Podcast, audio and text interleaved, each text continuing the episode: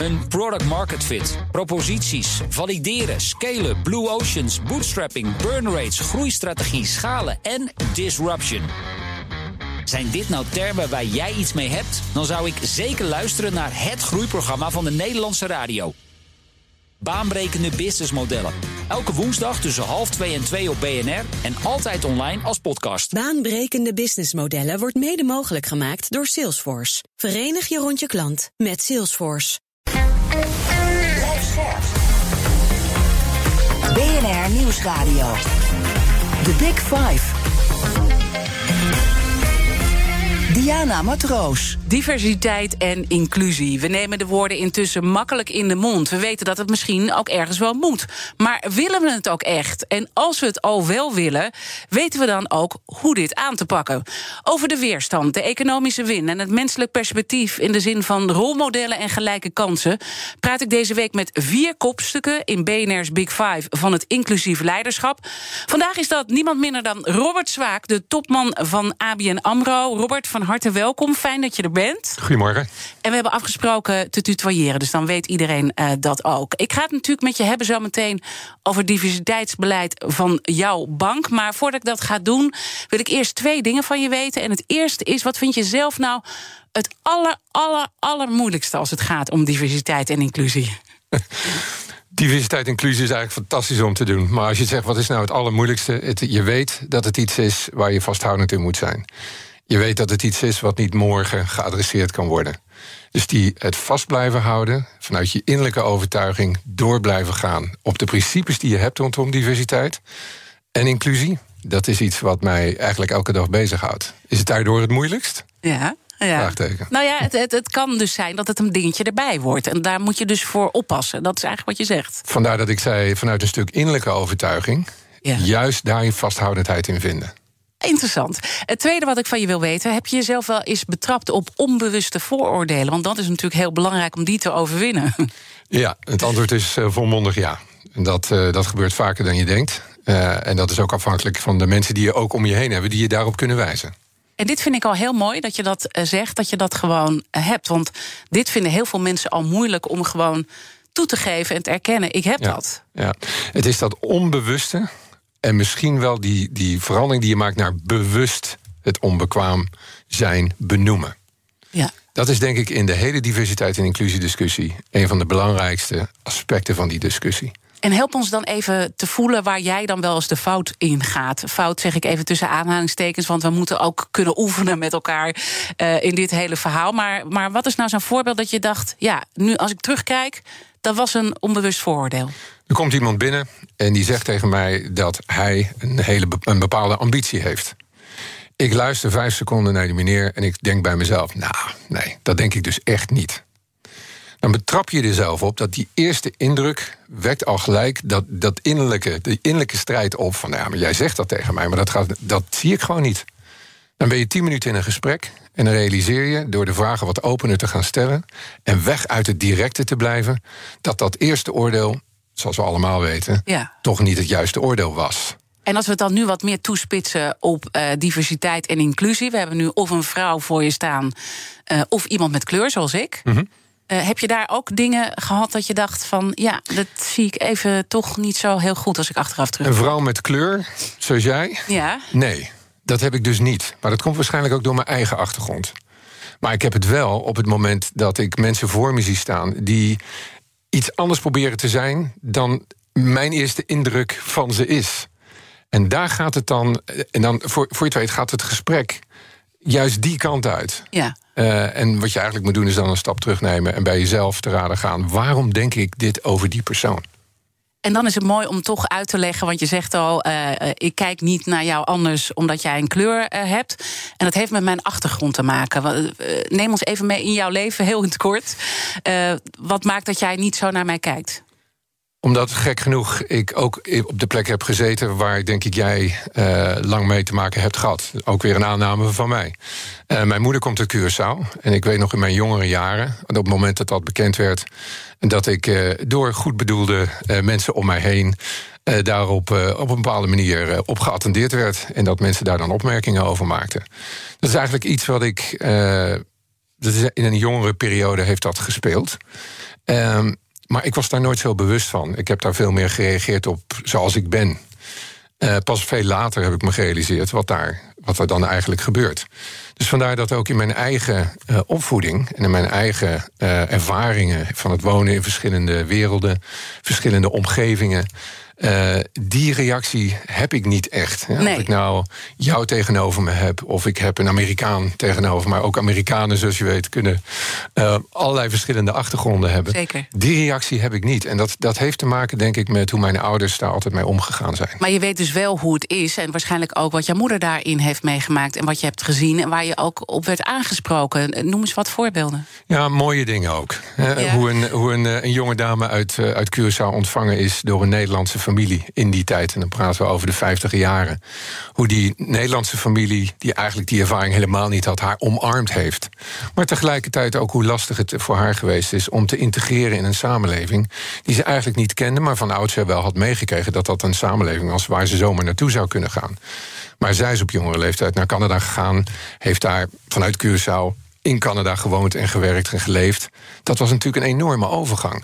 Nou, dat, neemt, dat, neemt, dat krijg je allemaal mee als kind. En uh, ik moet zeggen, dat heeft mij uiteindelijk in hele jonge jaren gevormd. Ja, op En een goede feit- manier eigenlijk. Doordat je makkelijker met dit vraagstuk om kunt gaan. Onbewust. Ja, Eh, Dus daar is iets onbewust ontstaan. Ja. Waarvan ik me later eigenlijk van ben gaan realiseren wat het voor me betekend heeft. Maar kan je ook zeggen het wat je- samenspel tussen vader en moeder daarin. Ja, want, kan- want kan je zeggen wat je geleerd hebt? Ik bedoel, als ik ook even naar mijn kind kijk, die heeft. eh, nou ja, jij hebt dan geen blauwe ogen, hè, maar het is niet zo als je naar jou kijkt dat je meteen denkt: oh, eh, die eh, komt uit Nee. Curaçao. Hè? Nee. Dat heeft mijn zoon ook niet. En die, die, nou ja, die is echt eh, blond haar, eh, blauwe ogen. Eh, soms begrepen mensen ook niet dat ik zijn moeder was. En dat is soms best wel een keertje frustrerend voor hem. Van ja, Ja. dit is wel mijn moeder, weet je wel. Bijna alsof je het eh, eh, moet bewijzen. Ja. Zijn er dat soort dingen die je meemaakte? Ehm, nee, dat soort dingen was het. Nee, dat zijn niet de dingen die ik heb meegemaakt. Wat ik wel heb meegemaakt, dat op het moment dat mijn, naar mijn achtergrond gevraagd werd en naar het achtergrond van mijn ouders gevraagd werd, dat er allerlei vooroordelen kwamen. Maar ook op het moment dat jonge kinderen eh, vragen van. ehm, wat is dat dan, Curaçao? En, zo, en mijn, mijn huidstint was in die tijd ook toch niet dezelfde huidstint van de kinderen om mij heen. Ja. Daar kreeg ik vragen over. Ja. Van hoe zit dat dan en waarom is dat dan zo? Vond je dat vervelend? Ik vond dat, ik vond dat vreemd.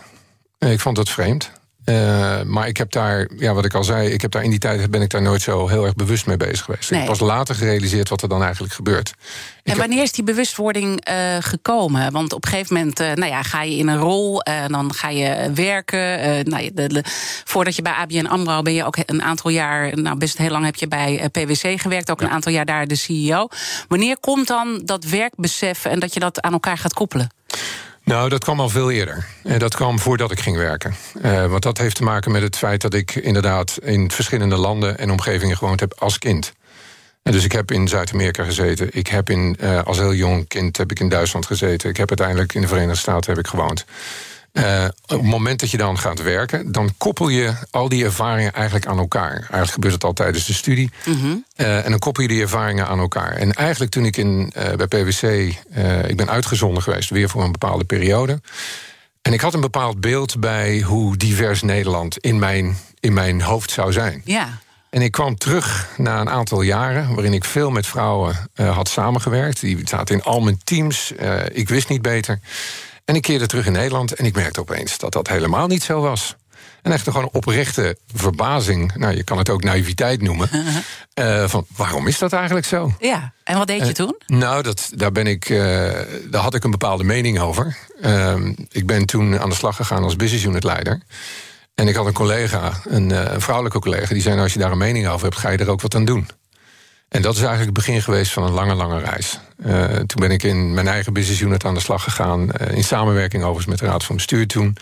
In nauwe samenspraak met een aantal collega's... die me daar continu in aan het, eh, aan het ja, stimuleren waren op hun manier. Weer dat, dat onbewuste onbekwaam proberen om te zetten. Ehm, ja, en dat, die, die reis gaat het op de dag van vandaag door. Ja, en misschien is het mooi om daar ook uh, de kettingvraag bij te pakken. Want mijn gasten stellen elkaar vragen via de kettingvraag. En gisteren sprak ik met Joris Luijendijk, journalist en schrijver van De Zeven Vinkjes. Hij zegt namelijk: Ik ben zelf een zevenvinker. En dat zijn, uh, nou ja, eigenlijk, uh, je bent dan man, wit, hetero, minstens één hoogopgeleide ouder, minstens één in Nederland geboren ouder, VWO-diploma en een diploma van de universiteit. Uh, dat ben jij ook, hè, denk ik? Zevenvinker. Mm, ja, het is interessant. Ik, het, het, is een soort, het, is een, uh, het is een kleuring die gegeven wordt langs een aantal aspecten. En wat ik nou juist probeer te doen, is weg te blijven uit al die aspecten, maar naar de mensvormen te kijken en de vraag te stellen: wie ben jij? Ja, Wat is jouw ook verhaal? naar jezelf dus eigenlijk. En dus ook naar mezelf. Dus je wil jezelf helemaal niet als zevenvinker zien, ook al ben je dat misschien. Want ik denk, als ik naar dat lijstje kijk, dan ben je dat wel volgens... Nou, daar kloppen er een aantal niet. Welke klopt Eh, niet dan? Nou, VWO klopt al sowieso niet. Nee, die Eh, heb dus- je niet. dus- nee, ja. Ehm, ik blijf daar, en dat vind ik het interessante eh, aan die discussie hierover. Ik ben veel meer geïnteresseerd in wie zit er dus tegenover, wie ben ik zelf. Die vraag ook voor mezelf kunnen beantwoorden. En van daaruit dan eh, je, je, je reis op diversiteit of inclusie eh, te benoemen.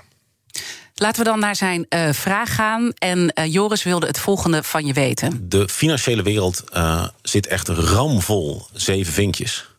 Eh, dus hoe ga je nou die zeven vinkjes helpen om te zien hoeveel voordelen ze, hebben, voordelen ze hebben gehad in hun leven en hoeveel voordelen, onbewust en onbedoeld, er nog steeds in hun hoofd zitten? Dat is een mooie vraag. Een hele mooie vraag. Dat zit eigenlijk in het gesprek wat wij net al aan het voeren waren. Dus als er iemand tegenover mij zit, ben ik op zoek naar, als het gesprek daarover gaat, van wat zijn nou die blinde vlekken die wij allemaal hebben? En die heb je in je besluitvorming, die heb je in, op een gegeven moment in je werk, die heb je in je, wellicht in je persoonlijke. Nou, dat, zal niet, dat ontstaat niet snel, maar als het ontstaat, gaat het gesprek toch ook vaak daarover. Vanuit dat gesprek juist gaan kijken, oké, en, en hoe zit dat bij mij? En daar die reflectie op, op laten, dan denk ik, als we die discussie met elkaar zouden kunnen voeren, dan heb je een inclusieve discussie. En als we discussie breed in de samenleving zouden kunnen gaan voeren, dan hebben we een inclusieve discussie in plaats van een exclusieve discussie. Dus het is een veel meer in de persoon. Wat is jouw verhaal? Wie ben jij? Eh, ken jij jezelf? Zo, ken ik mezelf? En kunnen we dan in, op, op die manier de conversatie met elkaar voeren? The Big Five. Diana Matroos. Mijn gast is Robert Zwaak, de topman van ABN AMRO. Je hebt al heel mooi verteld hoe je eigenlijk in dialoog gaat... en nou ja, dat persoonlijke contact probeert... eh, eh, tot de diepte te komen van het onderwerp. Als ik nou kijk naar diversiteit en inclusie... en dat is niet alleen mijn conclusie... maar we vinden het gewoon nog heel erg lastig. Ik doe ook tal van congressen daarover... eh, met het bedrijfsleven, de overheid, we worstelen. En we zien ook allemaal duidelijk de, voor, eh, nou, de voorbeelden hè, van waar we worstelen. Waarom is het nou zo ontzettend lastig onderwerp? Ook wel een zuchtonderwerp, merk ik. Wat is dat? Omdat we inmiddels, denk ik, zover zijn we wel. eh, nou, het is altijd gevaarlijk om algemene uitspraak te doen, maar iedereen. Nou, laat ik het nuanceren. De meeste, de meeste mensen met wie je over dit onderwerp praat, eh, is inmiddels wel zover. Kunnen zeggen, ja, diversiteit is belangrijk. Die, die tekst die rolt snel uit je mond. Diversiteit is belangrijk. Op het moment dat je er echt mee aan de slag gaat, dan dat is het moment dat je realiseert, als je dan een paar jaar daarin zit, het is helemaal niet zo eenvoudig. Want het is veel meer dan een programmaatje creëren. Het is veel meer dan zeggen dat je het belangrijk vindt. Het is veel meer dan eh, het in je KPI's gaan vertalen. Het is veel meer dan denken: ik heb mijn benoemingen nu achter de rug. Het is nu wel goed. Want er hoeft maar dit te gebeuren. Ja. En je, je doelstellingen op diversiteit, wat we ook allemaal zo belangrijk vinden, die kan je ineens niet meer verklaren. Want de, de, de KPI's zijn weer aan het dalen. En dan gaat die verzuchting natuurlijk ontstaan. Ik ben er al zo hard mee bezig. Ik ben er al zo lang mee bezig. En ik bereik het nog steeds niet. Daarom is het lastig. We kunnen het goed articuleren. Ja, We kunnen over het algemeen kunnen we wel het verhaal houden wat diversiteit en inclusie is. Mhm. Maar om er daadwerkelijk naar te handelen, ik merk dat zelf ook. Ik bedoel, je zult het ongetwijfeld zelf ook merken in al die congressen. Er zijn steeds onderwerpen, die komen steeds weer terug. Noem maar eens een paar. Ehm, hoe moet ik het meten en waarom zou ik het meten? Want ik heb toch benoemd, ze zijn er niet. Ik heb ze niet gevonden. Ik heb mijn best gedaan. Het ligt niet aan mij. Het ligt aan, nou, en zo kan ik er een hele catalogus eh, van opmerken. Maar ook, ook zaken die mij zijn overkomen. hè. Ik hoor mezelf dat ook zeggen. En Want dan is ze zijn er niet, bijvoorbeeld. ik heb ook situaties meegemaakt dat ik ook echt die conclusie moest trekken. Ik wil die benoeming doen, maar ik kan hem niet doen. En dan weet ik dat op het moment dat ik dit ga uitleggen, proberen uit te leggen, in plaats dat ik ga luisteren naar wat mensen mij te vertellen hebben, dan weet ik al dat ik eh, de dag daarna denk: ja, ja het, is, het overkomt je toch weer. Ja. En dan is wat het mooie, vind ik, van Dat is diversiteit. eigenlijk ook zo'n onbewust vooroordeel. Dat je dus eigenlijk denkt dat ze er niet eh, zijn, terwijl ze er wel Terwijl in zijn. je, in je volledige overtuiging is Ja. dat dan ook zo? Ja. En dan wat ik probeer te doen in dat soort situaties, is het niet bij mijn overtuiging te laten. Want daar gaat het, denk ik, in ieder geval in mijn geval, heb ik over de jaren geleerd, eh, gaat dat gewoon niet goed. Dus het moet niet je eigen eh, mening zijn. Hoe heb je dat georganiseerd dan? door mensen om je heen te verzamelen die, eh, waar je vertrouwen in hebt. Eh, vertrouwen niet in de zin dat ze elke keer met je meegaan in wat je denkt, maar juist eh, tegen je zeggen wat ze vinden, wat ze echt vinden. Mensen die je kennen. Hè, dus die dan ook in staat zijn om je dat, eh, die, die spiegel voor te houden. Maar dan de, de spiegel die je echt nodig hebt. Ja. Ehm, en, dat, en dat is, ehm, op die manier kan je inderdaad wel tot besluitvorming komen. Maar op je vraag terug te komen van, ja, waarom is dat dan zo lastig? Omdat je dan direct daarna realiseert, oké, maar het betekent, dit moment was heel vervelend. Maar dat betekent niet dat ik mijn doelstellingen op diversiteit en inclusiviteit los ga laten. Ik ga er gewoon op dezelfde manier mee door. Ja, en dat is wel ook wel wat het, het aller, allermoeilijkste is. Want dat zei je aan het begin, om het vast te houden uiteindelijk. En ook Ja. echt te zorgen dat je vanuit dat intrinsieke eigenlijk blijft werken. Omdat het gewoon eh, eerlijk is om het zo te doen. Zit dat, is dat jouw belangrijkste drijfveer dan? Eerlijk, het, eh, mijn belangrijkste drijfveer komt veel meer uit eh, de, de waarde eh, die ik eh, hecht aan de relaties met mensen om me heen. En de waarde die je, die je met elkaar ontwikkelt. Eh, dus, dus, dus de persoon die je voor je hebt. Eh, eh, iedereen in deze wereld verdient een kans, waar ook in Ja. de wereld. Daar begint het mee. Ja. En daarmee is diversiteit en inclusiviteit een resultante. Maar als we allemaal die houding zouden hebben, dan krijg je ook een hele andere Ja. dialoog. Krijg je ook een andere vorm van samen zijn. Ik denk dat dat de waarden zijn die in mij ja, gegroeid zijn. Ja. En dat, dat, dat noem ik met intrinsiek. Ehm, en vandaar dat je dan elke keer weer teruggrijpt op... maar wat vind ik nou, wat vond ik nou... en hoe kan ik dat nou de volgende keer beter doen? En dan komen we toch even op hoe goed doen jullie het nou? Hè? Want Mhm. eh, nou, ik denk dat als we even een, een goed punt eruit pakken, dan is het eh, de boord, de mensen om jou heen. Want dat is nu ongeveer 50-50, hè? Ja, drie, Als het gaat om gender dan. Ja, nou ja het, is, het is in de Raad van Bestuur drie uit zeven. Eh, de ik denk de Raad van Commissarissen eh, hebben nu vier vrouwelijke commissarissen. Dus dat gaat goed. Van de totaal? van de, van de zeven. Van de zeven Ja, ook. Ja, ja. ja. Dus dat is eigenlijk een, een, nou ja, een eerste goede stap. Maar waar ben je nog niet tevreden? Eh, waar ik altijd naar blijf kijken. eh, we hebben nu een, een leiderschapsteam wat voor 47% uit vrouwen bestaat. hè, Dat, dat, dat bredere leiderschapsteam. Wat voor mij heel belangrijk is, is dat je eh, op het moment dat je dat soort getallen gaat benaderen, dat je vervolgens gaat kijken wat gebeurt er in de rest van de organisatie. Dus we focussen altijd op die raad van bestuur en de raad van commissarissen en op directieteams. Maar we weten ook allemaal dat eh, de, de, de talentontwikkeling in je organisatie uiteindelijk ervoor gaat zorgen dat je in continuïteit zo'n eh, diverse eh eh, kunt hebben. Ja, Hè, dus dat de doorstroming dat doorstroom gewoon goed is. Ja. Daar blijf ik met name dan naar kijken. Dus hoe is de intake? Mhm. Eh, loopt die nog steeds langs de doelstelling die we voor onszelf gezet hebben? Eh, hoe is de ontwikkeling van de verschillende doelgroepen die we geïdentificeerd hebben in de organisatie? Ja, en daar blijf ik eh, continu op letten. Ja, dus, dus Want daar is het nog niet goed geregeld, als ik je zo hoor. daar is het, nee, daar is het de, de, de, de maatregelen die we getroffen hebben zijn uitstekend geregeld. Dus een 50-50 intake.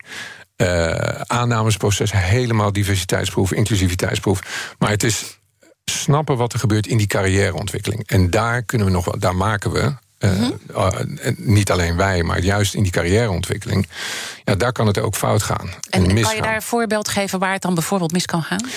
Nou, dan denk ik aan eh, keuzes die gemaakt worden in een bepaalde fase van een carrière waarvan je denkt. Dat had niet zo gehoeven. Het is mij ook overkomen dat in een laatste fase van benoeming. ik in benoemingscommissies heb gezeten. en dat eh, in dit geval een dame in kwestie zei. Ik eh, wens hier verder niet meer aan deel te nemen. Want de, de, de, het gesprek Ja. ging gewoon niet goed. Ja. En eh, helaas was er toen nog een situatie dat, het, dat de selectiecommissie was, maar mannen. Mannen die tegen elkaar, elkaar gingen overtuigen van het feit. Maar het gesprek ging ook niet goed. En ik daarbij gezeten heb, ja, maar dat is toch raar. We hebben jarenlang zijn we bezig geweest met de ontwikkeling van die kandidaat. En dan in zo'n slotgesprek gaat het niet goed. En dus is dan de conclusie. Uh, het is over en sluiten of we geven je nog een kans. En nou, is dat dan, uh, zit daar dan onder dat al die mannen daar zitten en, en uh, als je kijkt naar de experts, wat zeggen zij over diversiteit en inclusie? Men is geneigd zichzelf aan te nemen, dat je bepaalde dingen in een ander herkent. is dat dan wat parten speelt op zo'n nou, moment? Nou, want op zo'n moment was het echt de, de echte overtuiging ja. dat in het moment ging het niet goed. En daar was iedereen het over eens. De vraag is: is dat moment nou bepalend ja. voor het verdere verloop van een carrière? Ja, ja. Dus en daar zit, dat, zit zijn, in. dat zijn momenten dat je, dat je eigenlijk. En het tweede leermoment zat daarin. Maar dan laten we dat gesprek gewoon. Gaan we dat opnieuw doen? Ja. En dan heb je een kandidaat tegenover je die zegt: dat ga ik helemaal niet doen. Nee. Want ik vind er wel wat van. En toen? Nou, dat, dat liep niet goed af. Nee. En dat, daar, daar baal je dan van, van zo'n Ja, moment? daar, daar baal ik van. Dat vergeet ik ook niet. Ja. Dus dat, is, uh, dat, neem je, dat neem je telkens malen mee. Dat is geen garantie dat het niet de volgende keer weer gebeurt. Uh, maar het is wel iets waar je van moet leren. En vandaar dat ik dus altijd aan het kijken ben... in welke organisatie waar ik ook werk... als we eenmaal tegen die doelstellingen... en als ik dan terug uh, vertaal naar ABN AMRO... waar we denk ik het goed doen op genderdiversiteit... Ja. Um, maar dat is nog geen moment om te denken, we zijn er. Je bent er eigenlijk nooit. Je moet altijd die processen waar we het net over hadden... in je eigen organisatie begrijpen. Mm -hmm. En dat ook blijven monitoren. Want dat is Daar eigenlijk ook het mensen voor. verschil tussen diversiteit en inclusie. Hè. Diversiteit is eigenlijk van, uh, zet ik verschillende poppetjes neer? Is die man-vrouw verdeling, uh, is dat goed geregeld? Ja. Maar inclusie is ook, voelt iedereen zich uh, veilig? En blij, blijven de mensen ook, het hè, waar je het verschil, over hebt? Ja, het, Mooie, het mooie vind ik van diversiteit en inclusiviteit... vind ik, het zijn, het zijn aanvullende begrippen. Mm -hmm. um, je kunt inderdaad diversiteit vertalen. Ik zet de poppetjes neer en daarmee heb ik een diverse samenstelling van mijn team... en dus word ik beter. Wat daarbij hoort is een cultuur die je toestaat om divers te zijn. En dan komt inclusiviteit om de hoek. En dat is misschien het moeilijkste, denk ik. Ja, ik denk dat inclusiviteit, en daarom praat ik ook liever over inclusief... Uh, want de tegenstelling van inclusief is exclusief. Ja.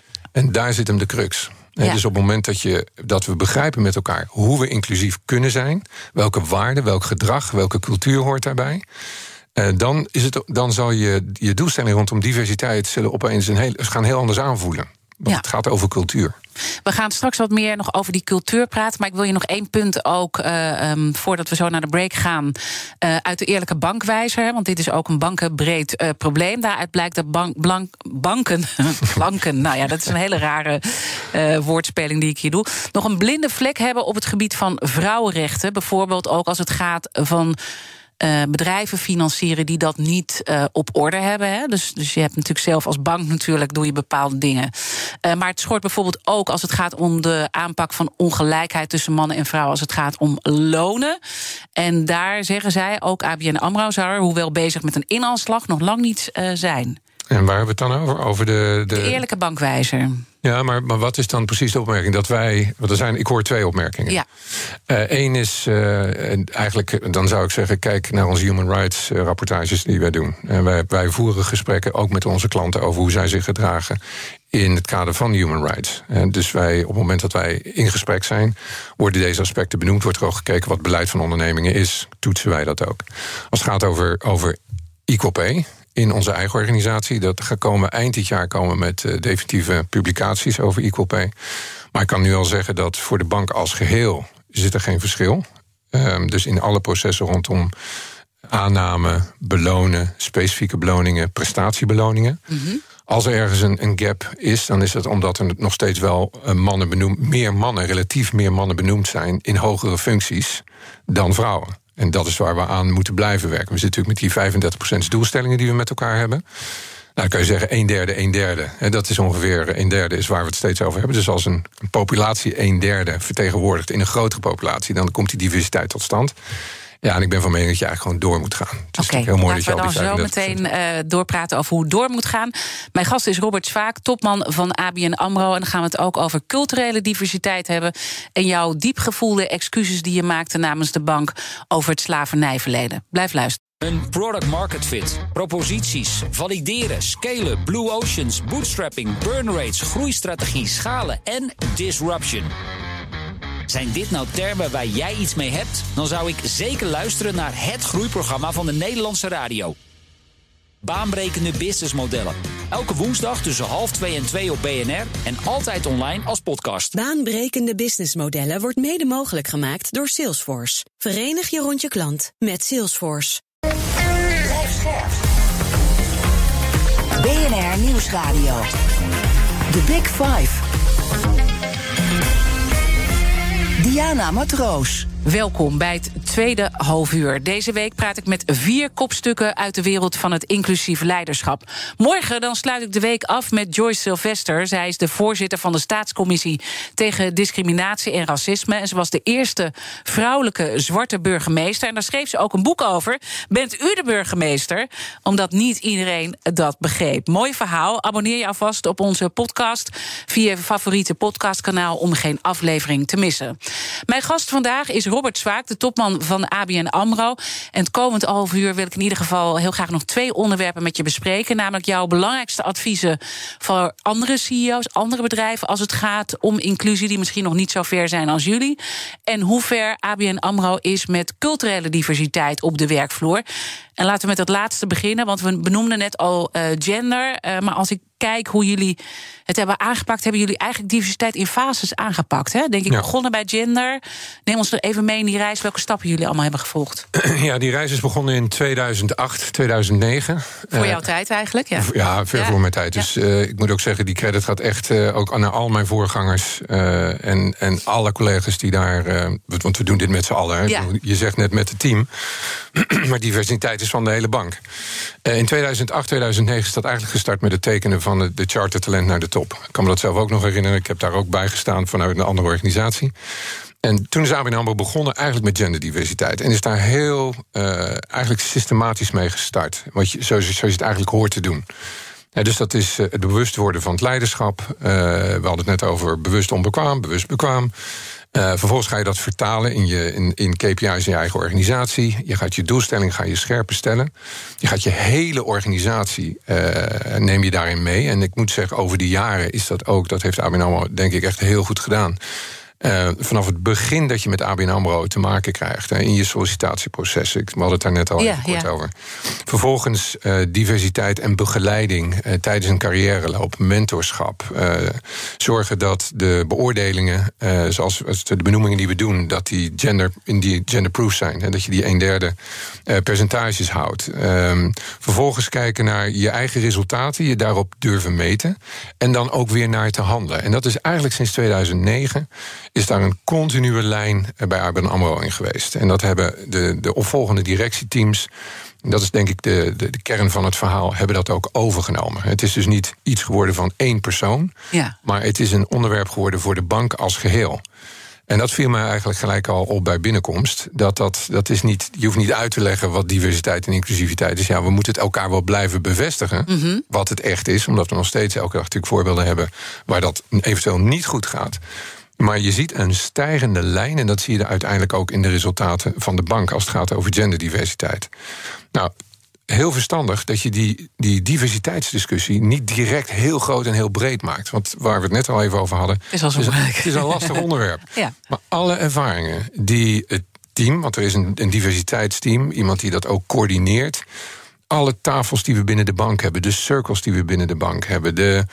Uh, de informele groepen die praten over diversiteit. Mm -hmm. Langzamerhand ging die discussie die ging inderdaad van diversiteit naar inclusiviteit. Inclusiviteit betekent dus ook dat je breder gaat kijken in je eigen organisatie. Dat je ook gaat kijken naar uh, culturele uh, achtergronden. Bicultureel of anderszins.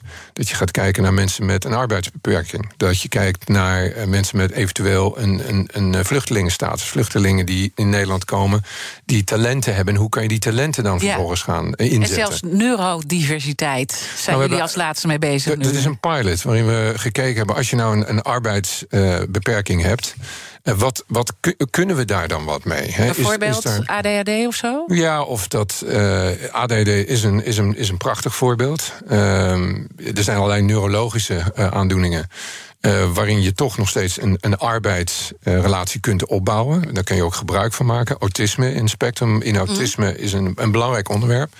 Ik merk zelf dat dat een, een spectrum is waar ik nooit zo heel veel mee te maken gekregen heb. Maar door de gesprekken die ik binnen de bank voer. met mensen die daar heel open en eerlijk over zijn. eh, en daar ook mee naar voren komen en naar voren treden. Ja, dan denk je toch, eh, ook een organisatie als ABN AMRO... met 20.000 medewerkers, een belangrijke plek in Nederland... met diversiteit en inclusiviteit als een van je pijlers van je cultuur... met waarden die gaan over courage, eh, care en collaboration... Mhm. Ja, daar zit iets in van wat kunnen we daar dan mee? En kunnen we dat dan gaan ontwikkelen met elkaar? En kunnen we daarvan leren? Ja. Dus vandaar een pilot om te kijken van nou, hoe kunnen we daar Hoe, nou hoe in werkt dit? eh, ja. en je kan natuurlijk ook zat eh, voorbeelden noemen van autisten die juist ook een plus kunnen zijn voor een organisatie. Hè? Want ze kunnen ook enorm goed eh, focussen, bijvoorbeeld, autisten Nou, op een hebt- bepaald spectrum. Ja. Precies. En dus het, het, spectrum van autisme is heel interessant. Ik noemde net even bijvoorbeeld een hele andere groep. Dat heeft dan niet met arbeidsbeperking, maar tot op zekere hoogte misschien ook wel. vluchtelingen die naar Nederland komen. Die een, een arbeidsverleden achter zich laten. Ja. Maar een expertise hebben opgebouwd. Als het gaat bijvoorbeeld over, over IT. Waarin we nu aan het kijken zijn of we vluchtelingen, of mensen met een vluchtelingenstatus, of we die in de bank te werk kunnen gaan stellen. En dat, we, en dat werkt dan ook wel weer dat je dat samen met andere partijen doet. Eh, want ook dat moet je leren. Dat betekent dat je organisatie daar ook toe geëquipeerd moet zijn. En Ja, want het je- lijkt me ook wel dat het ontzettend veel... want het klinkt allemaal leuk, diversiteit... en we komen straks wel even welke resultaten je er ook mee kunt bereiken. Hè? Want jullie doen, ja, jullie moeten natuurlijk ook gewoon geld verdienen als bank. Eh, hè, dus het gaat niet alleen maar Nou, om doing tevreden, good. tevreden klanten en tevreden mensen. En dat, dat Dan kom je al een heel eind. Nou ja, eh, leg zo even uit wat die economische win Ja. is. Hè? Want daar zijn ook tal van rapporten verschenen van McKinsey... en eh, onlangs ook een groot onderzoek van Google... eh, dat eh, nou ja, eigenlijk de, de best presterende teams... dat zijn eigenlijk de diverse eh, teams. Maar het is natuurlijk ook super ingewikkeld... om met al die diversiteit te gaan werken. Want het is natuurlijk eigenlijk makkelijker... als iedereen een beetje is zoals jij. Het is, nou ja, goed, we zeiden het eerder in het gesprek ook al. Natuurlijk is het veel makkelijker, maar minder leuk om te werken met mensen die zijn zoals jij. Ja, jij vindt het minder leuk, hè? Ja, ik, Maar dat is een perso- ook, daar- daarom zeg ik, dat is, een niet persoon, iedereen. dat is een persoonlijke mening. Eh, en vandaar ook dat er. Er zijn ook momenten in deze discussies. Ik kan me nog heel goed herinneren dat het hele George, George Floyd-debat. eh, dat is enorm, heeft een enorme impact. eh, ook in de bank gehad. En daar zijn we ook in discussies met elkaar gegaan. Wat vinden wij hier nou van? Wat overkomt ons nou? Zijn we tolerant naar elkaar? Maar als ik dan bijvoorbeeld kijk wat er op onze kantoren eh, in, in, de, in de binnensteden gebeurt, hè, z- zijn we daar dan vrij van? eh, zien we daar dan inclusief gedrag, om het maar eens even eufemistisch uit te drukken? Hoe eh, worden onze eigen medewerkers bejegend door klanten? Eh, wij zijn een, een behoorlijke afspiegeling, een goede afspiegeling van onze maatschappij.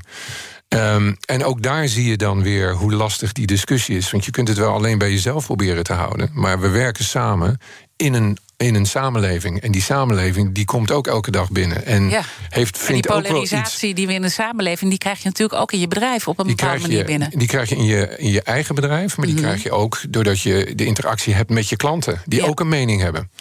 Ik kan me herinneren een, een klant die mij, eh, die mij belde over die reclamecampagnes die we hebben De Gay gedaan. Pride. Ja. Ja, wilde ik net zeggen inderdaad. Een, ja. een prachtig. eh, nou, hij belde niet. Hij had een, een, een behoorlijk rechtstreeks briefje aan mij gestuurd. En op een vrijdagmiddag heb ik die klant gebeld. Eh, Gelukkig Even voor de mensen die dit niet hebben gevolgd. Jullie hebben rond de Gay Pride hebben jullie commercials uitgezonden. En dan is een van de medewerkers die vertelt eigenlijk ook over hoe hij in relaties staat. En dan is de kritiek van buiten. Joh, kunnen jullie gewoon even met bankzaken bezig zijn. In Precies. plaats van dat. Hele diversiteitsgedoe. Hè? En dit waren collega's die zelf hadden aangegeven dat ze dat zouden willen doen. Wat we eigenlijk elk jaar doen. Ja. Het is niks nieuws. We doen Nee, dat elk maar jaar. toen werd het een ding. Ja. Ehm, deze meneer die schreef een brief eh, en die, die, die gaf aan dat dit pa- niet paste bij zijn overtuiging, bij zijn geloofsovertuiging, en vond dat zijn bank zich daar niet mee diende te, in te laten en inderdaad Ja. zich moest, moest beperken.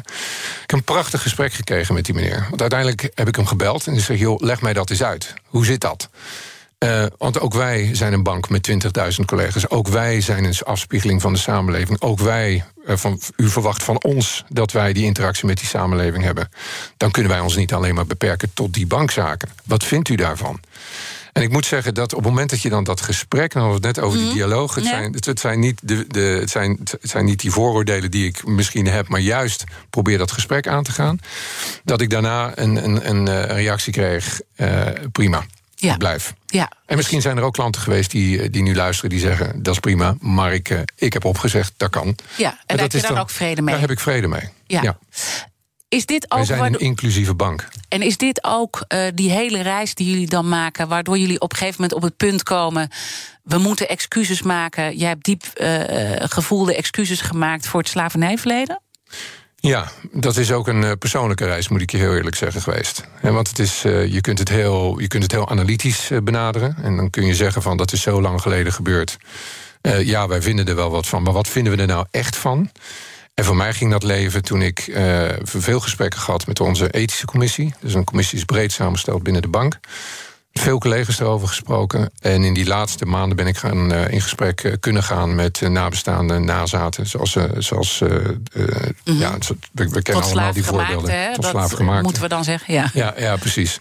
Ehm, dat waren hele indrukwekkende gesprekken. En dat is dan de reis die je in jezelf meemaakt. Is dan, eh, dat excuus is veel meer dan woorden alleen. Het is een stuk erkenning van wat er in het verleden ook echt fout gegaan is. Wat Benoem was dat de eye-opener voor jou in die gesprekken? Nou, je, je kunt je op het standpunt stellen, het is zo lang geleden. En de mensen die nu bij die bank werkzaam zijn, die, die, die hebben daar helemaal geen bijdrage aan geleverd. Wij proberen nu de bank te zijn die wij zijn, vandaag, in deze samenleving. En daar doen we alles aan, elke dag. Dus je kijkt eigenlijk heel erg lang terug. En waarom doe je dat? En uiteindelijk was voor mij de eye-opener het erkennen van wat er is gebeurd. Het excuus daarover aanbieden is eigenlijk het excuus aan degene die dit ondergaan hebben. Van diegene die 200 jaar geleden. Of, En waarom is dat belangrijk om te doen vanuit de bank? Hè? om de- omdat, er, omdat wij ook als bank te maken hebben met, met de nabestaanden die dat ontzettend belangrijk vinden. En daardoor ook weer een stuk verder kunnen gaan. Een stuk erkenning. Maar omdat je een excuus maakt, niet nu, vandaag, naar de mensen vandaag, maar juist naar degene, voor degene die dit overkomen is. En dat is zo ontzettend belangrijk. En dat maakt het eigenlijk heel tastbaar gelijk. En ja, dat is, dat is wat we toen ook gedaan hebben. Zometeen praat ik verder met de topman van de ABN AMRO, Robert Zwaak. Maar eerst gaan we horen wat er straks om 11 uur in BNR Breekt zit. Wat is jullie breekijzer? Ja, nou, we gaan praten. Een product market fit, proposities, valideren, scalen, blue oceans, bootstrapping, burn rates, groeistrategie, schalen en disruption. Zijn dit nou termen waar jij iets mee hebt? Dan zou ik zeker luisteren naar het groeiprogramma van de Nederlandse radio.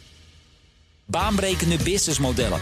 Elke woensdag tussen half twee en twee op BNR en altijd online als podcast. Baanbrekende businessmodellen wordt mede mogelijk gemaakt door Salesforce. Verenig je rond je klant met Salesforce. BNR Nieuwsradio.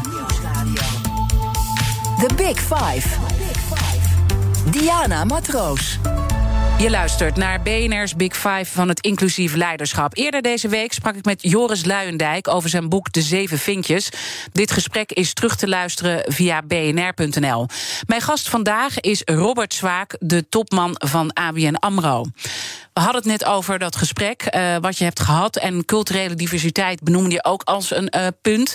Eh 25,7 procent van de Nederlanders heeft een migratieachtergrond. Is nog wel eh, hoe je daar dan vervolgens naar kijkt. Hè? Westers en eh, Ja. niet-westers. Waarvan je ook nog nou ja, wat kan vinden hoe die opdeling eh, is. Maar goed, laten we die discussie hier niet eh, doen. Organisaties blijven over het algemeen daar echt nog achter. Met, met vrouwen eh, zijn we daar ook nog niet. En we hebben quota in de raden van commissarissen. En die gaan eh, helpen. En er komt trouwens ook heel eh, belangrijk regelgeving vanuit Brussel. Is er nu een principeakkoord.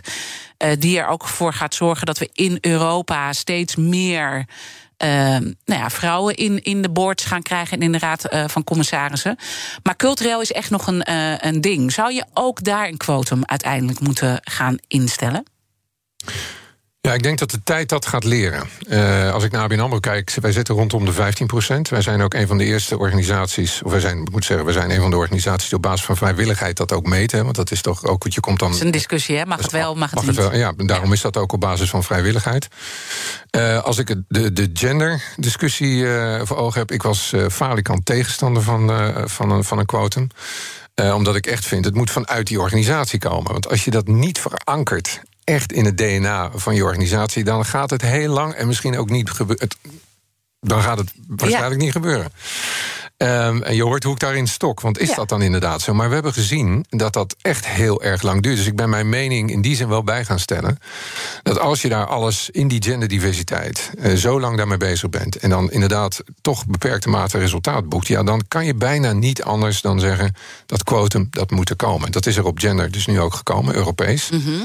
Ehm, ik hoop dat we leren van genderdiversiteit en de discussies die we met elkaar daarover hebben gevoerd. En bij de organisatie die daar al mee bezig zijn. Dat, ze dat, dat proberen wij in ieder geval elke dag te doen. Dat je dat doorvertaalt naar de andere aspecten van diversiteit. Ja, maar als je wel- leert van het verleden, zou je dan niet gewoon kunnen zeggen: joh, doe ook- een quotum. Ja, je zou zeggen, je kunt sneller een quotum doen. En de vraag is, ben je er dan? Hè? Want eh, dat proces is dus niet alleen een proces van een quotum.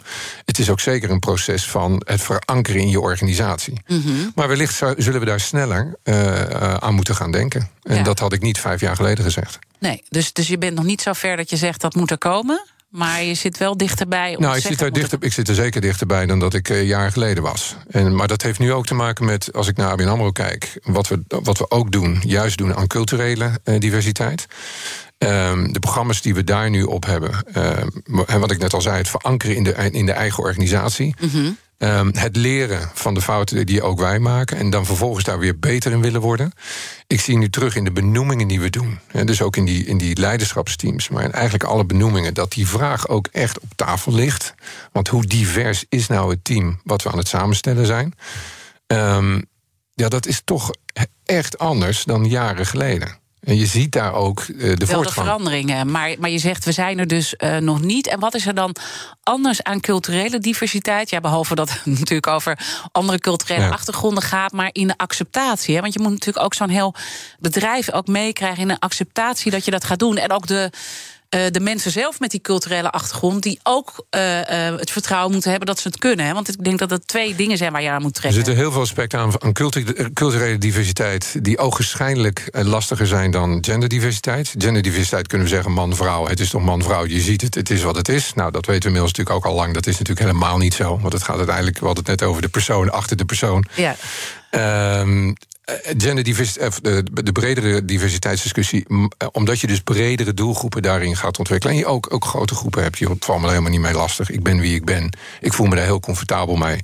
En ik heb dat helemaal niet nodig. Ik zit gewoon in deze organisatie. En ja, als jij niet trekt wie ik ben, dan ga ik toch iets anders. Die zijn er ook. Ja. Ehm, er zijn groepen die zeggen: ja, maar ik, ik kom gewoon tekort. Ik word gewoon niet gekend. Dus langzamerhand moet die discussie ook draaien naar waar we het eerder over hadden. In plaats van dat we nu benoemen we de verschillende groepen waar we de nadruk op willen leggen, omdat we gewoon zien dat we daarin of kunnen gaan groeien. We hadden het net over neurodiversiteit. Ehm, of waar we in aan het groeien zijn. Waar we, hè, als ik nu kijk naar culturele Ja. diversiteit, zie je nu dat wij met, met een 15% eh, eh, gemeten culturele diversiteit in de bank. Eh, naar, die, naar die afspiegeling van de samenleving aan het komen zijn. Ja. Dus je merkt dat het, dat, dat, dat, dat in, die, in, de, in, de, in de cultuur van, die, van de bank eh, begint te komen. En, en dat is het belangrijkste om het echt te laten vliegen. Ja, ik, ik denk dat je uiteindelijk eh, daar zul je mee bezig moeten blijven. Want dan ga je van diversiteit naar inclusiviteit. Want dan ben je een inclusieve organisatie. En dat is iets wat, wat ik elke keer weer probeer te toetsen. Hoe inclusief zijn we nou? En hoe toets je dat dan?